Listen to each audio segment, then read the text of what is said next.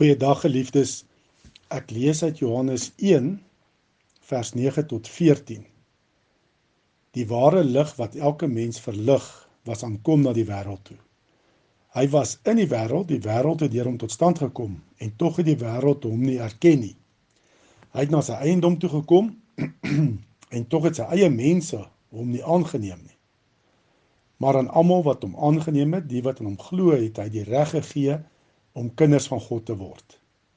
Hulle is dit nie van nature nie, nie deur die drang van 'n mens of die besluit van 'n man nie, maar maar hulle is uit God gebore. Die woord het mens geword en onder ons kom woon. Ons het sy heerlikheid gesien, die heerlikheid wat hy as die enigste seun van die Vader het, vol genade en waarheid. Ja, ons lees in Johannes 1 vers 14 die woord, dit is Jesus Christus wie self God is, het mens geword en onder ons kom en onder ons kom woon. Nou hoekom word God dan mens? En dis sommer net omdat God by ons wil wees. God word mens omdat hy 'n onblusbare passie, 'n onkeerbare wil het om juis by ons te wees.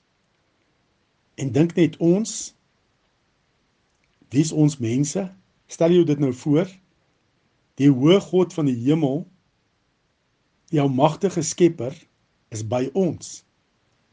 En niks was vir God te veel om by ons te wees nie. Wie jy ook al mag wees, wat ook al jou gemoedstoestand vanoggend is of vandag is, God is by jou. Want so lief het God die wêreld gehad. En God weet dat ons hom slegs kan ken deur 'n persoonlike verhouding. Ons sien hierdie feit so duidelik ehm um, direk na nadat Adam en Eva in sonde geval het. Want wat was die effek van die sondeval op Adam en Eva se denke? Hulle het die ware persepsie van die werklikheid verloor. Ons lees in Genesis 3 vers 8 dat hulle probeer vir God wegkruip nadat hulle van die vrugte geëet het. En weerspieël dit nie 'n verkeerde verstand van wie God is nie. Hoe kan jy vir God wegkruip? Dis belaglik.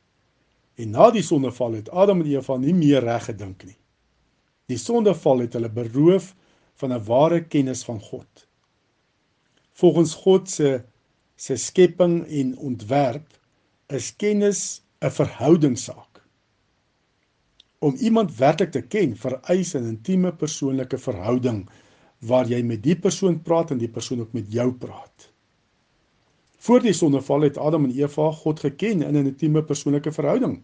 Dan die tuin van Eden, God het met hulle gepraat en hulle het met God gepraat. In die aandwyntjie lees ons.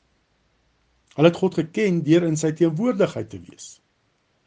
Maar na die sondeval is hulle uit die tuin van Eden gejaag, weg van God se teenwoordigheid. Hulle intieme verhouding met God is verbreek en daarmee saam het hulle ook ware kennis van wie God is verloor. Nou word alle mense in sonde ontvang en gebore na die sondeval en erf ons ook Adam en Eva se duistere denke. Alle mense wat gebore word, weet dat daar is 'n God en hulle weet iets van hom. Maar ons ken die God, die ware God nie regtig nie, want ons het geen verhouding met hom nie. Die vereiste om 'n verhouding met God te hê as ons hom wil ken, word dan ook beklemtoon as Johannes hier in die eerste hoofstuk aankondig. Die woord het mens geword.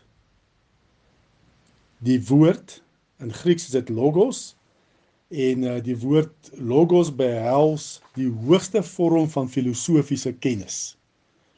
Vir die Grieke om te sê dat die logos het mens of vlees geword beteken dat die uiterste en hoogste kennis het persoonlik geword en kan ons mee in 'n verhouding staan. God kondig aan deur Johannes vir die wêreld. Die ware kennis van God wat alleen ontdek kan word in 'n intieme verhouding met God is nou beskikbaar vir die wêreld deur God wat mens geword het, deur Jesus Christus wat mens geword het. In en deur Christus is ons in staat om God persoonlik te ken en nie net dinge van hom te weet nie. In en deur Christus kan ons ook weet wie ons is in God se oë. In Christus ontvang ons ook 'n lewe van oorvloed waar ons weet wat God se plan en doel met ons lewens is. Ons is nie net per ongeluk hier nie. Ons bestaan het 'n sin en 'n doel. En moenie dink dat God se plan en doel met jou lewe verander het vanweë COVID-19 nie. In 'n persoonlike verhouding met God deur Christus kan jy vir God vra vir 'n nuwe kreatiewe maniere om nog steeds jou skepingsdoel uit te leef.